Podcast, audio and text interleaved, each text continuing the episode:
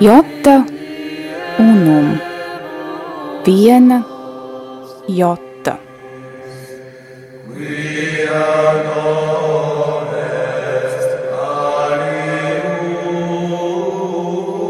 Tradīcija Skaistums, kas paceļas pāri laikam.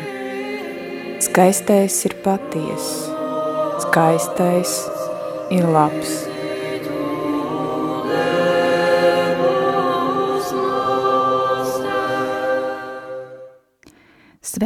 Sveicināti, dārgie radio Marija klausītāji! Mani sauc Marija Potniece. Pie skaņu pults ir mana māsa Ilze. Ar jums kopā ir raidījums Jota Unum.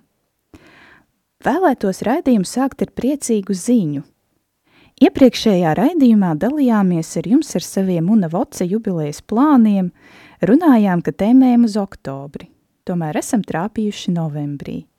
Tātad, Ar prieku paziņoju, ka 5. novembrī svinam Una Voce jubileju ar tradicionālo latīņu misi.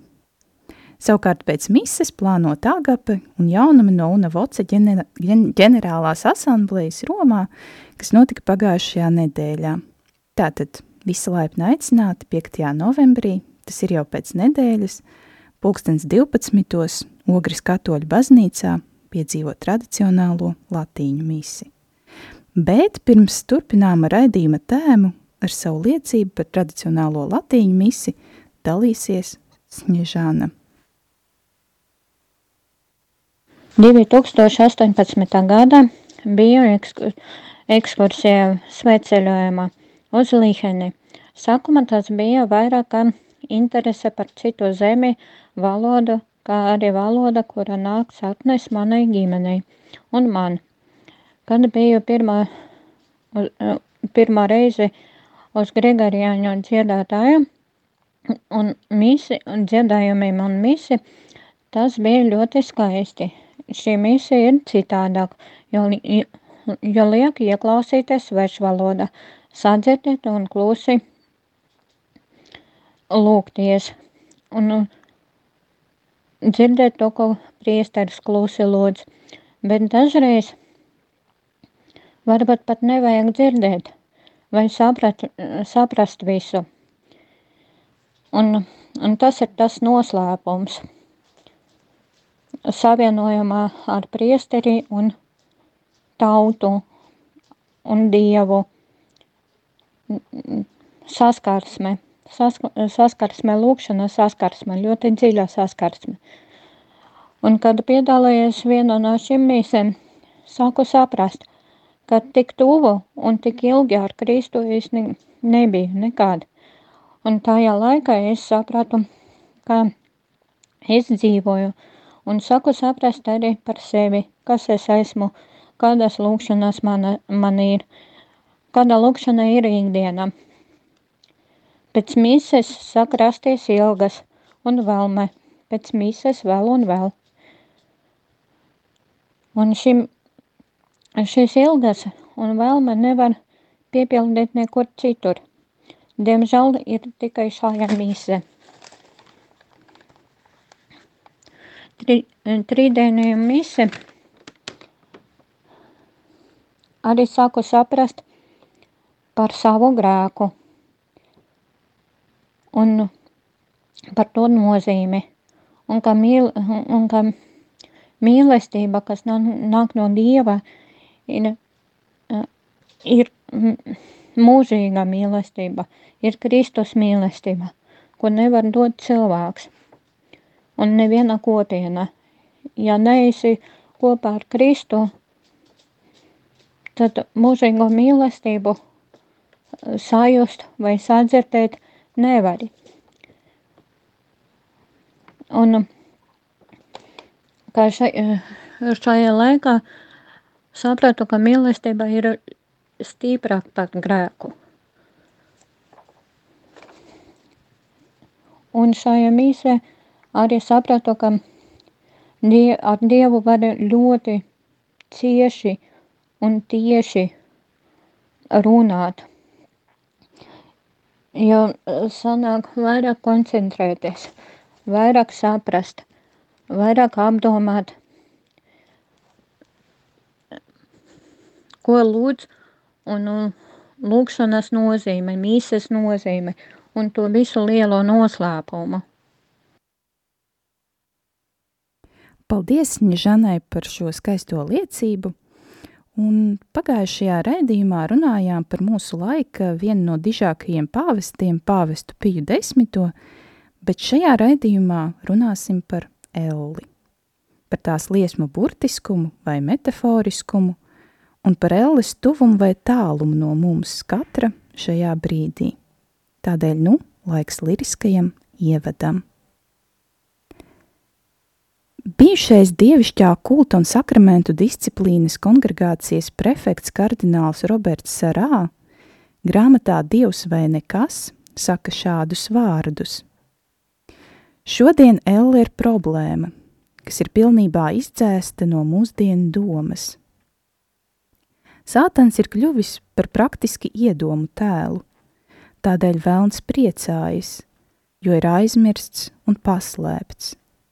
Tālāk kardināls Serā citē Marka evaņģēlija 9. nodaļas vārdus. Ja tava roka tevi apgrēcina, nocērt to, tev labāk kā kroplim ieiet dzīvībā, nekā ar divām rokām noiet ellē neizdzēšamā ugunī, kur viņu tārps nemirst un uguns neizdziest. Un ja tava kāja tevi apgrēcina, tad nocēr to. Tev ir labāk, ka tu tīzlis noej dzīvībā, nekā kad tev ir divas kājas un tu topi mests ellē, kur viņu tārps nemirst un uguns neizdziest. Un ja tava acs tevi apgrēcina, izrauj to. Tev ir labāk ar vienu aci ieiet dieva valstībā, nekā ka tev ir divas acis un tu topi iemests ellē. Tāpat kardināls Sarā uzsver, Elle ir realitāte, nevis ideja. Pēdējās tiesas atainojumi pie dažādu katedrāļu ieejām ir nepārprotami, bet pavisam noteikti mēs, rietumos, esam pilnībā noraidījuši jautājumu par elli. Kādēļ tā un kas tad raksturo elli kā realitāti?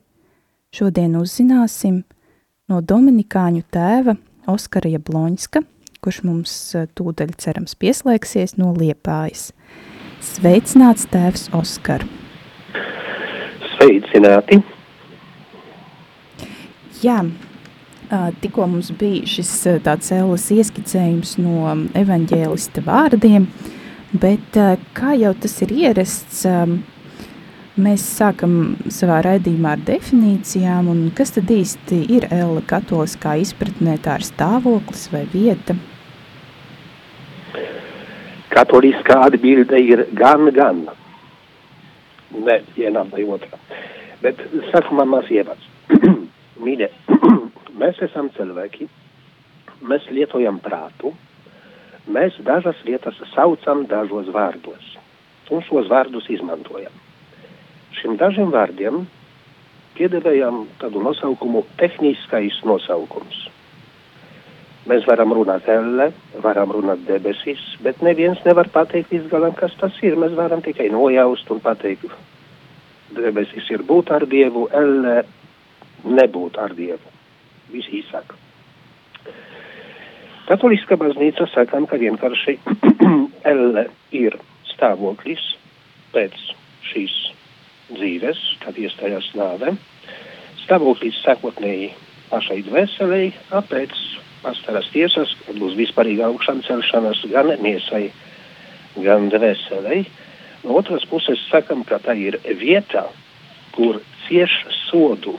Dēmoni, tas ir vēlni, un cilvēki, kas tur, kas tur nonāk. Tikai lai runātu par Dievu, lai pareizi to visu saprastu, tu pēc tam laikam jautāsi dažas lietas, agā bija to tikai tagad ievads. Elle jā, ir, jā, tas Elle ir un tā, e, lai būtu mums skaidrs. E, tā ir taisnība, ko kardināls Saraks tur runāja, bet tā ir tendence, kura vispār ir saistībā ar to, ka cilvēki negrib ciest. tas, kas notiek tagad pasaulē, viss kaut kur notiek, viss kaut kādas lietas, kur var pateikt, ir elle virs zemes. Tam vārdam mēs, mēs varam dažādas apzīmējumus, teiksim, pielietot. Bet ir mums kaut kādas grāmatas, kuras mums ir svarīgas, kuras runā par to, kāda ir mūsu ticība. Ir mums katehisms. Latviešu valodā viņš tika izdots 2000. gadā. Un tur, kur ir runā, tajā sadaļā par ticības apliecinājumu, kur ir runāts par miesas augšām celšanos, ir arī sadaļa elle. Un ir skaidri teikts, šis stāvoklis, kurā mēs paši sevi galīgi izslēdzam no kopības ar Dievu un svētlaimīgajiem, tiek apzīmēts ar vārdu elle. Katehizmē ir pieci punkti tikai par elli. Bet ļoti labi viņi stāsta, nezinu, vai lasīsim, nelasīsim, tagad tas nav tik būtiski. 2000. gads, kaut gan katehisms tika izdots 97. Hmm? Kā ir ar šīm elles liesmām? Kāpēc elli parasti attēlo ar uguns liesmām? Mums ir princips šāds. Mūsu ticību neizgudroja kaut kādi cilvēki tā pēkšņi no nekā. Mēs balstāmies rakstos, vispārīgi sakām raksti. Tā ir vecā derība un jaunā derība. Mums katoļiem ir pieņemts, ka ir kanoniskas grāmatas un tajās ir kaut kas rakstīts. Mēs pieņemam, ticam, ka Svētais Pāvils vienā no vēstulēm raksta, ka raksti ir iedvesmoti un noderīgi skaidrošanai. Un to, ko mēs varam atrast svētajos rakstos, tas ir pamats, uz kura bāzes, teiksim, baznīcas tēvi, nu, sākumā apusturi, baznīcas tēvi, pēc tam nākamie kaut ko mums skaidroja. Bet, kad lasām evaņģēlijus, varam redzēt, ka pats Jēzus runāja par elli, runāja par neizdzešamo uguni, runāja par to, ka kaut, kaut kas ir ārā, tumsā, ka tur būs robu griešana, raudāšana, runas ir par to tarpu. Atklāsmes grāmata vispār ir par uguns jūru. Ir daudzi tēvi, kas mums ir doti, lai mēs kaut ko saprastu. Šeit par to uguni to vajag saprast jūdu domāšanu. Ir pilsēta Jeruzaleme Šī pilsēta ir uzcelta kalnā. Dienvidos no šī kalna ir ielēja, kurai ir divi nosaukumi - Jozafata ielēja un otrais nosaukums - Gehenna, Gehinnom.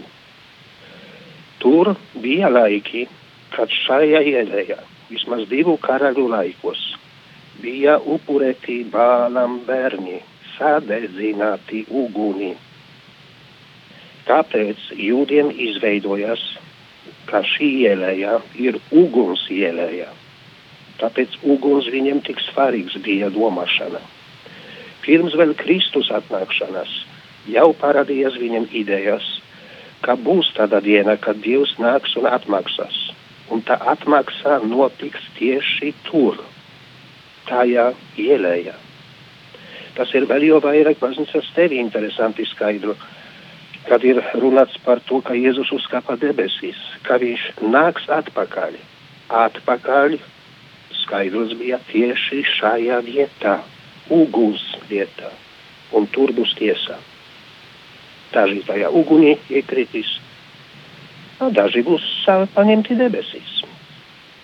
Uguns ir vienkārši ļoti tāds, no, priekš to laiku cilvēkiem labs tēls, Nu, jo tā bija, tur arī filozofija ir iesaistīta, taču grieķu, grieķu filozofija uguns ir viens no četriem pasaules elementiem. Ļoti būtisks, vissmalkāks, tas, kurš var visriebīgākā veidā mūs mocīt arī. Tur ir daudzas lietas. Mm.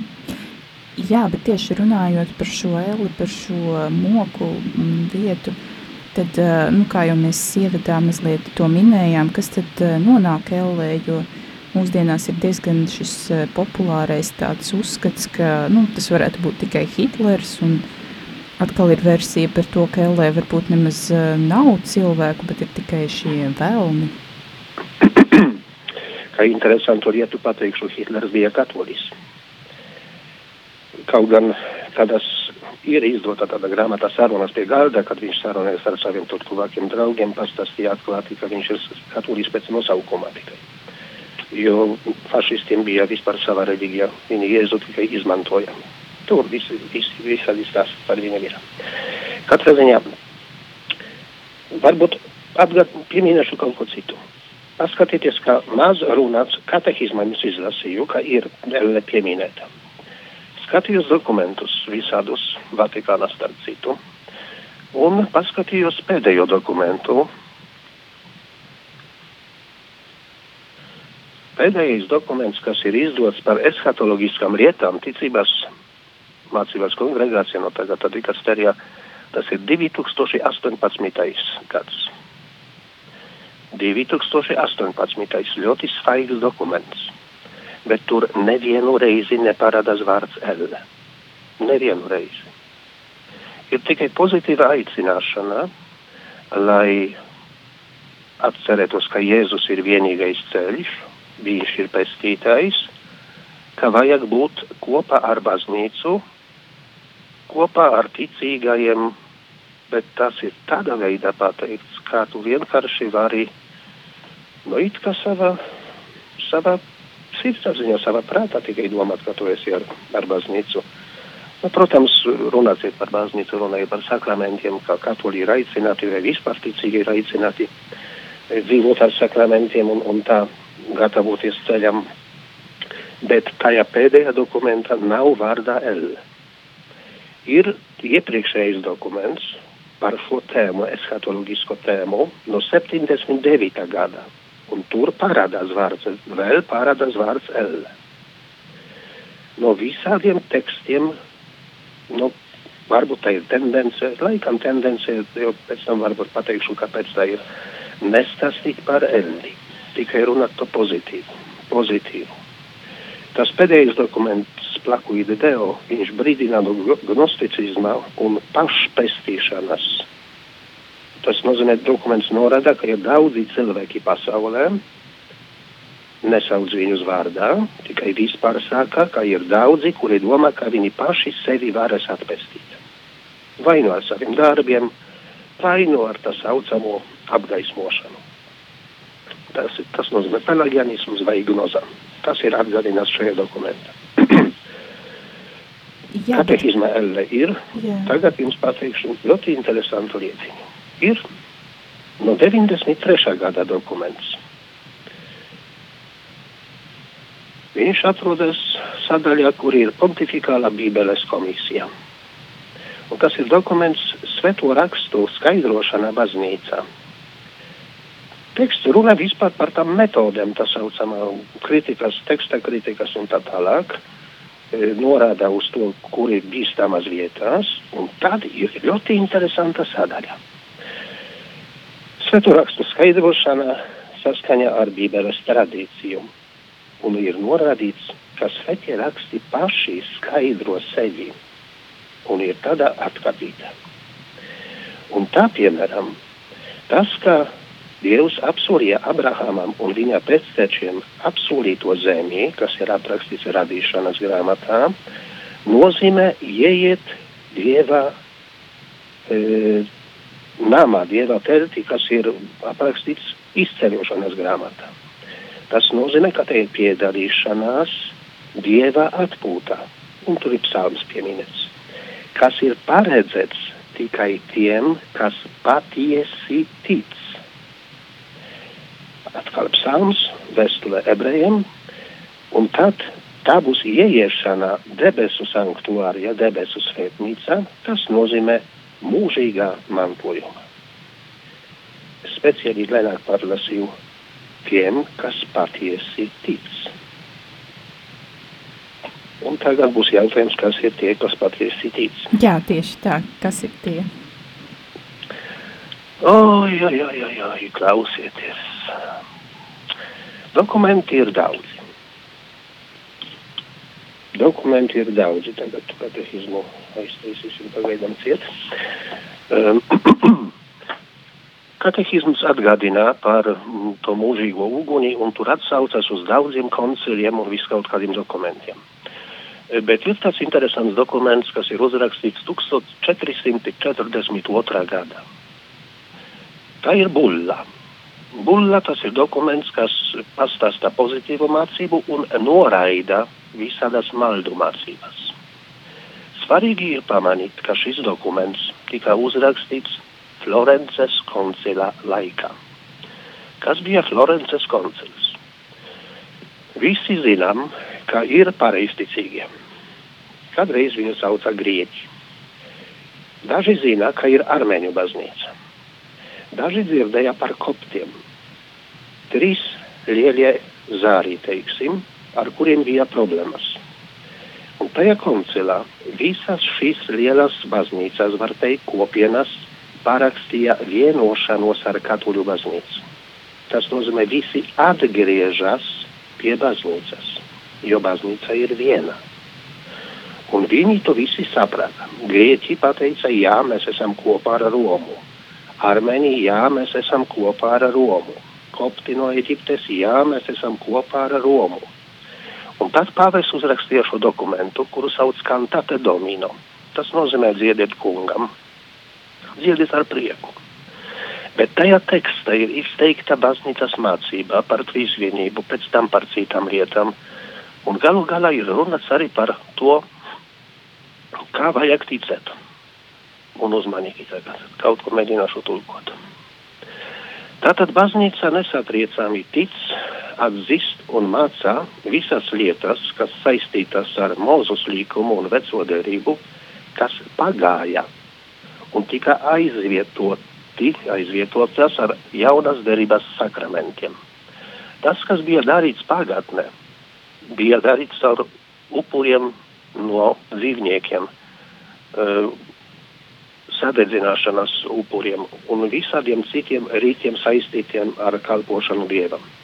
Tomēr tie rīti tiem laikiem bija atbilstoši. Pēc Kristus atnākšanas, kas ir mūsu vadonis visas lietas, tas visas vecas lietas pagāja. Tāpēc mēs sakām, ka dara navīgu grēku tas, kurš pēc Kristus moceklības, pēc Kristus nāves, liek savu cerību vecas um, derības likumā. Un kas ir šim likumam paklausīgs, ka it kā tas būtu vajadzīgs pestīšanai. Un tālāk ir runāts par to, ka mm, tie, kas ievēro veco derību un kas pieprasa apgaizīšanu, viņi nesasniegs mūžīgo pestīšanu. Pēc tam ir vispār tāds teksts, ka vajag apsēsties un labi turēties pie kaut kā. Sveta baznīca nesatri, nesatricinami tic, atzīst un sludina, ka katrs atkrītais kuram nav dalības mūžīgajā dzīvē, un kas paliek un mirst ārpus katoliskas baznīcas, vai viņš ir pagans, jūds, heretiķis, vai jebkurš, kus, kas izvēlas citu ceļu nekā baznīcas ceļš, viņi visi ies mūžīgajā ugunī, kas sagatavots sātanam un viņa sabiedrotajiem, ja vien pirms nāves neatgriezīsies uz svēto baznīcu. Jo baznīcas miesas vienotība, kas ir Kristus miesa, kalpo pestīšanai īpaši tiem, kas stiprina šo vienotību, nopelnot sev caur baznīcas sakramentiem. Viņi saņems visādas balvas, no balvas mūžībā, ja, ja viņi gada dod žēlsirdības dāvanas un pilda jebkādus visādus labus darbus. Tomēr tie, kas nav katoliskas baznīcas klēpī, nav vienotība un saskaņa, nesasniegs pestīšanu, pat ja viņš darītu visādus labus darbus, pat ja viņš izlietu savas asinis un nomirtu Kristus vārda dēļ, nekas viņam nelīdzēs. Šie vārdi ir vienkārši satriecoši. Jā, ļoti skarbi vārdi. Un tā ir oficiāla baznīcas mācība, jo šis teksts ir atrodams Vatikāna lapā. Es viņu skatījos latīņu valodā, viņš ir ar drukas kļūdām, bet ir. Ir. Un to visu var izlasīt tikai no kursu prot latiniski vai itāļu valodu tur izlasīt. Nu, jā, tik, mm, tas ir diezgan augstas prasības, bet šajā brīdī varbūt pārtrauksim mūsu sarunu uz uh, īsu muzikālo pauzi, Un, kad no tās atgriezīsimies, um, mēģināsim atrast iemeslus, kādēļ tad, uh, par mū, kādēļ tad mūsdienās par elli mēs runājam tik maz, un, um, un vai ir jēga lūgties par ellē nonākušiem. Bet tagad muzikālā pauze. Mēs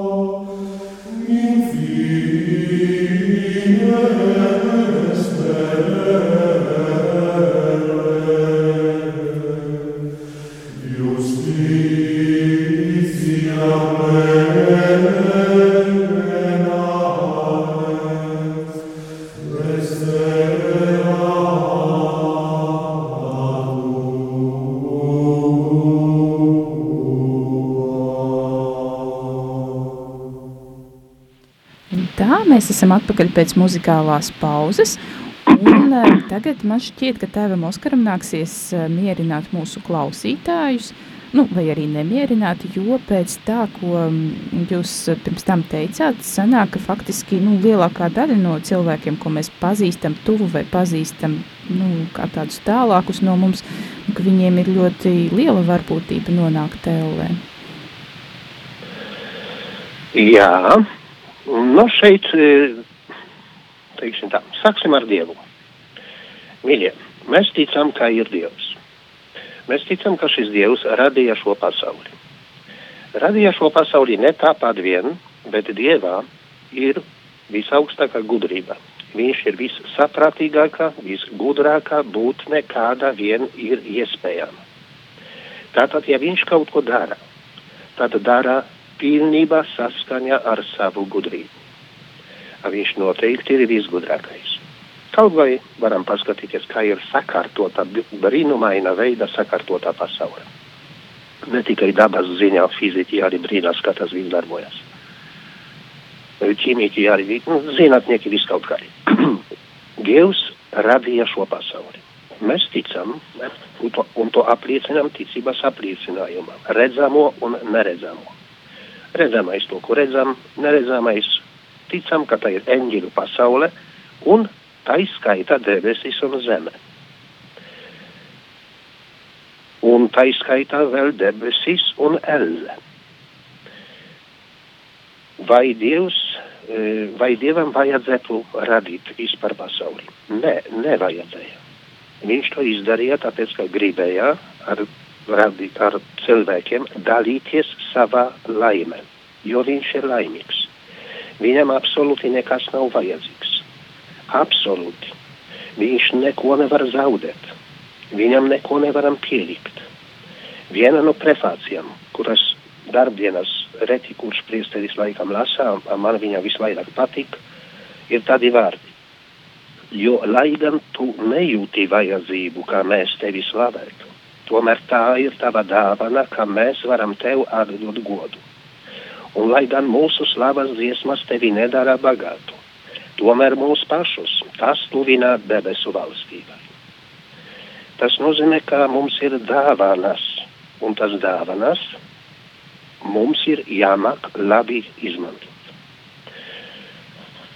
Kristus dibināja baznīcu. Kristus skaidri teica, kas ticēs, būs pestīts, neticēs, būs pazudināts. Tie ir Kristus vārdi. Protams, ir tādi, kuri mūsdienās arī katoļu baznīcā apšaubā jebkādus vārdus, ko mēs varam lasīt svētajos rakstos. Bet mēs tomēr ticam. Mēs runājam par to, ka Dievs ir taisnīgs un žēlsirdīgs. Jā, Dievs visu laiku ir taisnīgs un žēlsirdīgs. Dažreiz tiek runāts, ka tagad ir žēlsirdības laiks un kādreiz būs taisnības laiks. Negluži. Tagad ir žēlsirdības laiks. Katram ir iespēja dotā, līdz kamēr dzīvo, atgriezties.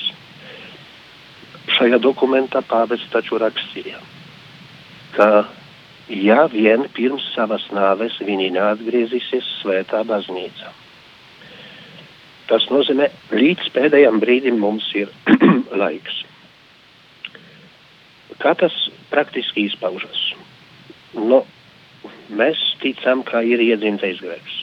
Tas grēks nāk mums divos veidos - dabā, dabiska veidā, un personīgi mēs grēkojam. Tāpēc e, varbūt paspēsim izrunāt vārdu elle, jo latviešu valodā mēs nepareizi viņu lietojam vispār. Nezinu, kāpēc ticības apliecinājumā ir nokāpā elle. Ne elle, tikai elles, daudzskaitis. Tā ir latiniski. Katrā ziņā līdz pēdējām brīdim ir iespēja, bet to baznīcas tevi skaidri saka, un garīga, garīga dzīve ir arī teikts. Satīs Augustins kādreiz izteica tādu domu. Pirmais sots par grēku ir nākamais grēks. Un to mums paskaidroja. Runāts ir par to, ka pēc grēka cilvēkā parādās iekšējā nesakārtotība. Un tas ir tas grēks, tas ir tāds sots sava veidā. Un jo lielākā ir tā nesakārtotība, jo grūtāk ir no tās iziet. Tāpēc, starp citu, baznīca aicina vismaz vienu reizi gadā iet pie grēksūdzes. Jo, jo ilgāk, jo grūtāk. Šeit visu laiku skan tie vārdi nenocietiniet savas sirdis. Garīga dzīve mums skaidri saka, ka cilvēkiem ir tendence arvien vairāk nocietināties un negrib pēc tam atgriezties. Tāpēc runāt par to, ka pēdējā brīdī viņi varbūt atgriezīsies, mēs varam cerēt, ka tā ir. Bet vai tā būs? To Dievs tikai zina. Mēs ticam, katoliskā baznīca visu laiku to skaidroja, ka ir ceļš caur Kristu, caur baznīcu. Un Jēzus taču runāja, centieties ieiet pa šaurajiem vārtiem, jo daudzi gribēs ieiet, bet nevarēs. Nespēs, jo viņus būs tāda nesakārtotība, ka neko nevarēs izdarīt. Tāpēc tie vārdi par to, kā katoļi, vai tie, kas pieder pie baznīcas, ja viņi dāvēs, dos žēlsirdības dāvanas un darīs visu kaut kādus labus darbus, tad viņi var cerēt uz mūžīgo dzīvi. Apārējie, mēs varam visu laiku cerēt uz to, ka, ka nu, kādreiz viņi atgriezīsies. Ir tādi teologi, kuri stāsta, ka Dievs pēdējā brīdī dod cilvēkam iespēju izvēlēties. Un tā ir teoloģiska doma, nu, viņa ir cerīga. Viņa ir cerīga, bet tā kā pastāstīja, ja cilvēks ir nocietināts, tad eh, nezinām, vai paspēs to izdarīt. Jā, bet kā mums rīkoties šīs uh, neziņas priekšā, ja nu, ir notikusi, diemžēl, šī skumjā situācija, cilvēks ir miris, nu kāds tūs cilvēks, uh, Un, eh, nu, ir aizdomas, ka tomēr nu, ka nav notikusi šī tāda samierināšanās ar Dievu, vai ir jēga lūgties par viņu.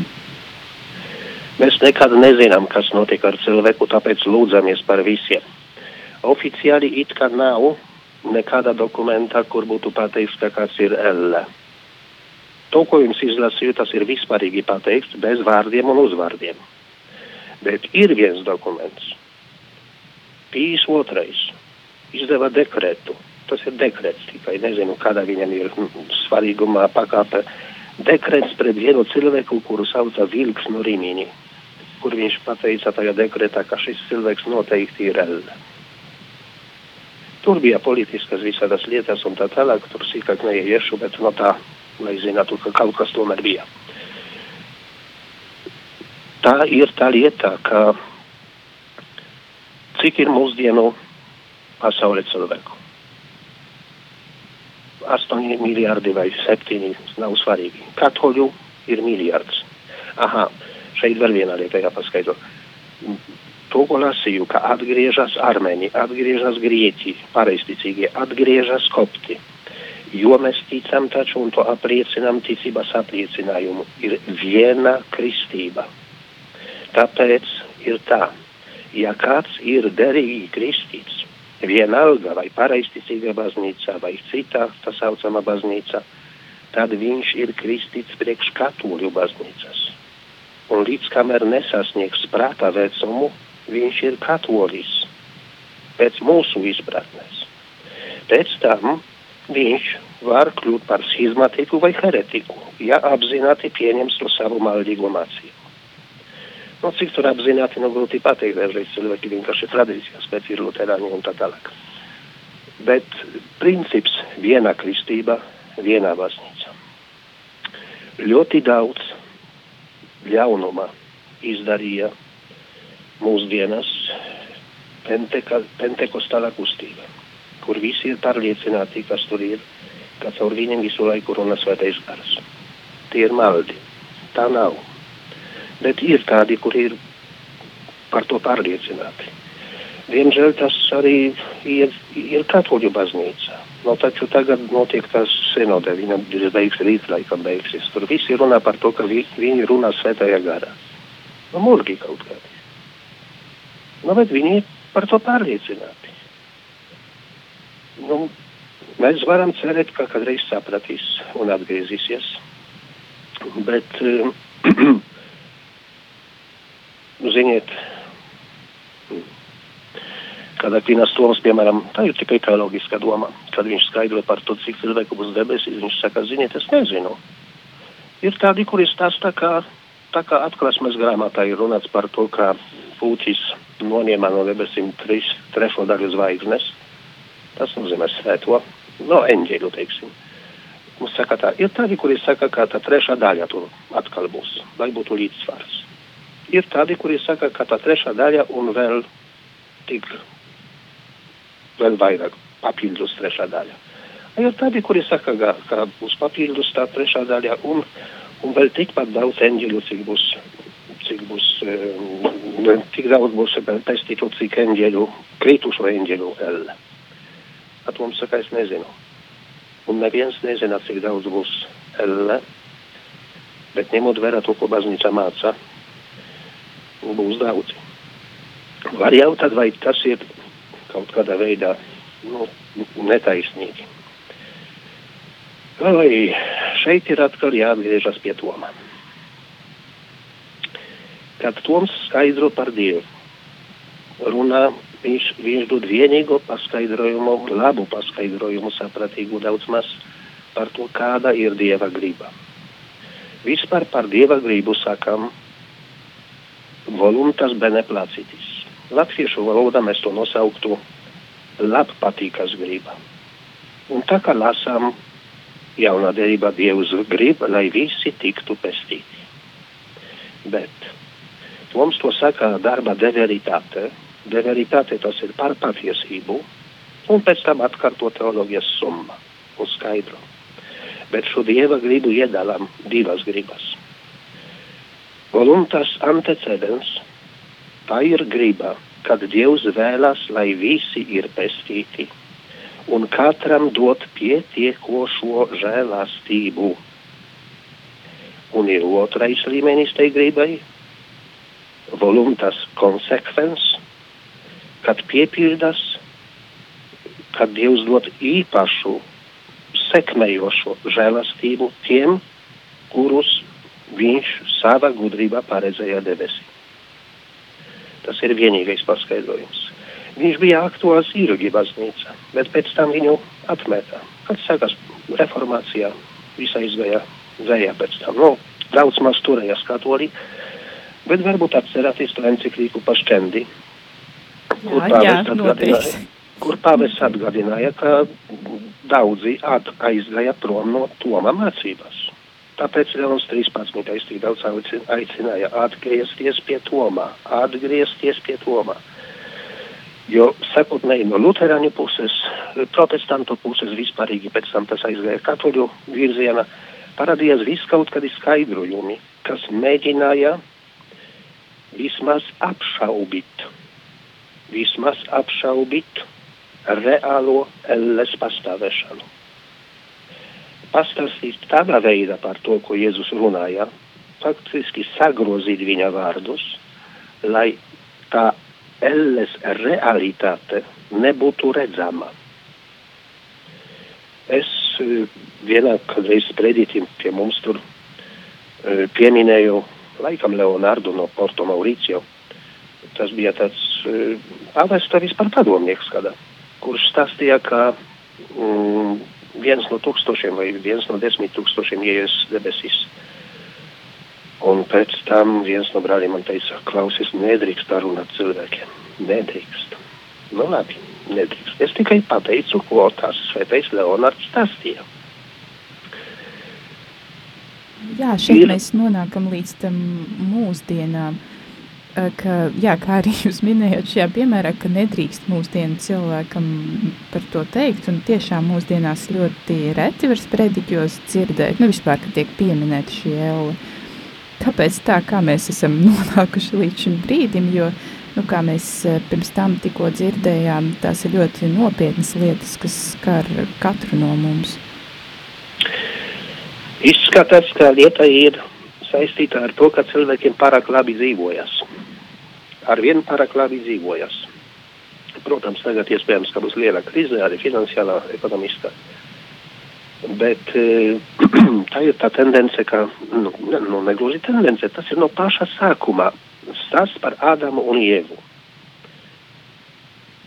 Pamanīja, ka izdarīja kaut ko nepareizi, pārkāpa aizliegumu un paslēpas, lai Dievs neredz, lai nesoda viņus, lai viņus neatrod un nesoda.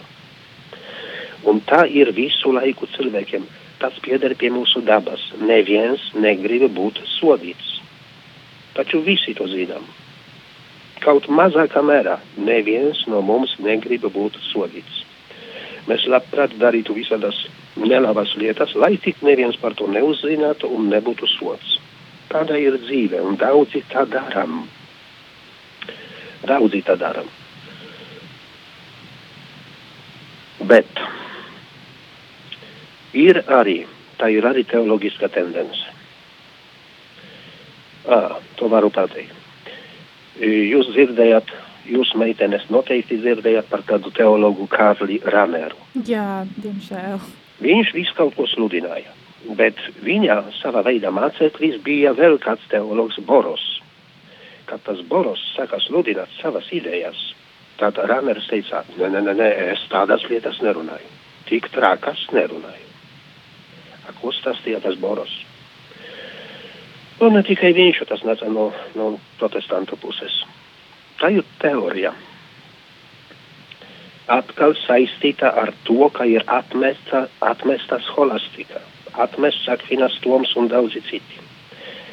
Teorija par to, ka nāve tā ir galīga iznīcināšana, pazūšana, kas nozīmē, ka nav soda. Tu mirsi, un tava dvēsele arī mirst.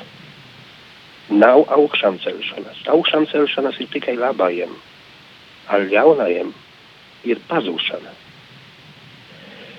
Teorija ļoti interesanta, tādā ziņā, ka pievilcīga, ka neviens necietīs. Nu, neviens vienkārši necietīs. Bet baznīca tā nesaka. Šeit, ojej, mums nav laika, bet labi. Jā, diemžēl. Leons 13. viena no saviem dokumentiem skaidri precizēja. Cilvēkam ir substanciāla dvēsele. Ja kāds zina filozofijas valodu un baznīcas valodu, tas nozīmē, ka cilvēka dvēsele ir neiznīcināma. Nevar nomirt, nevar būt iznīcināta. Tā ir Akvinas Toma mācība. Kad viņš šo, šo tēzi izteica Parīzes universitātē, saka Stracis jo cilvēki tā nedomāja. Toms pirmais to pateica, ka cilvēka dvēsele ir substanciālā. Daudziem tas bija nepieņemams, tāpēc Leons 13. skaidri to formulēja. Jo tad jau bija tas tendences par to garīgo cilvēka iznīcināšanu. Tur jāredz veseli, ziniet, man šķiet, man šķiet, ka tas, ko izdarīja pāvests, mainot katehismu sakarā ar to nāves sodu.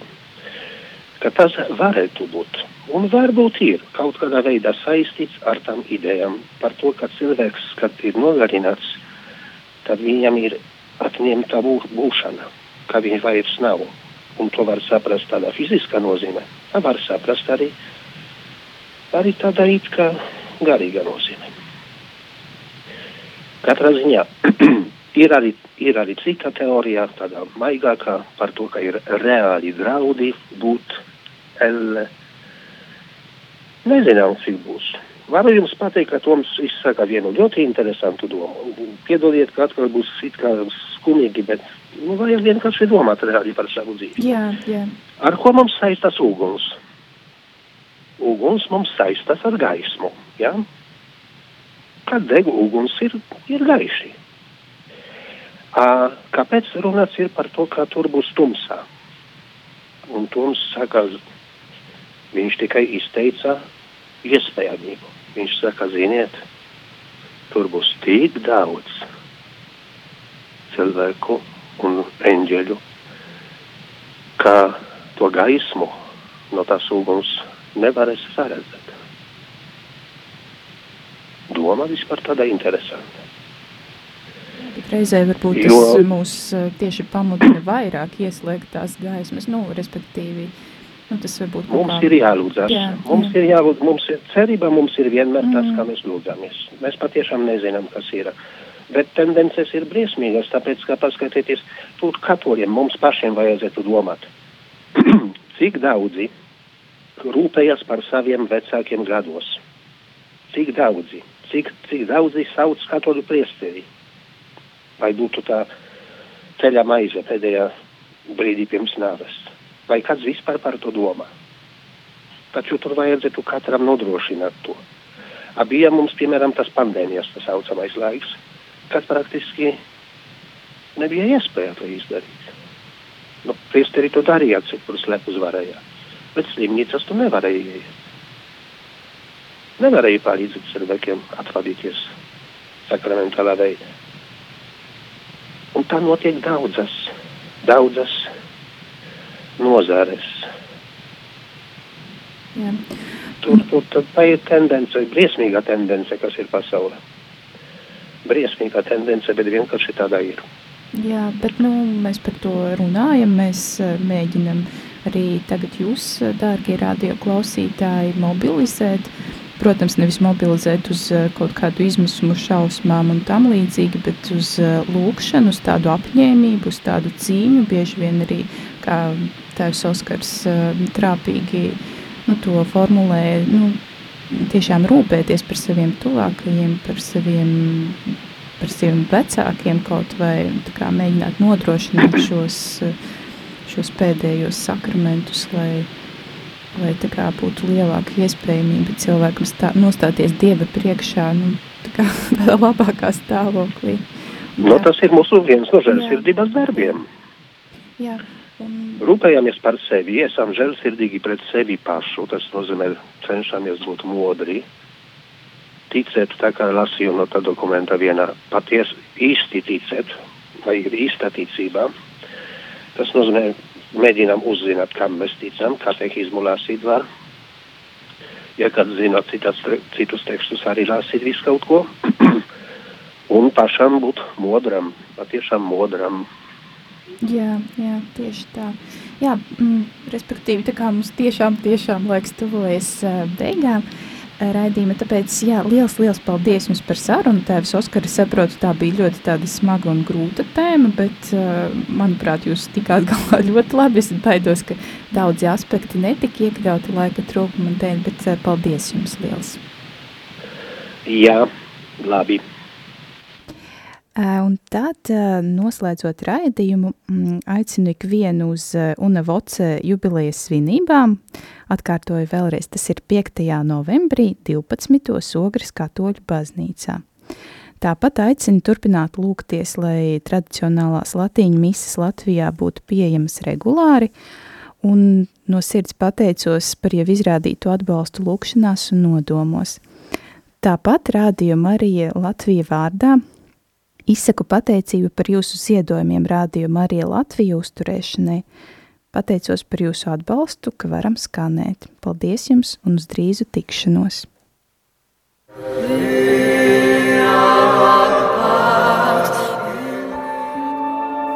Vakars kopā ar Radio Mariju.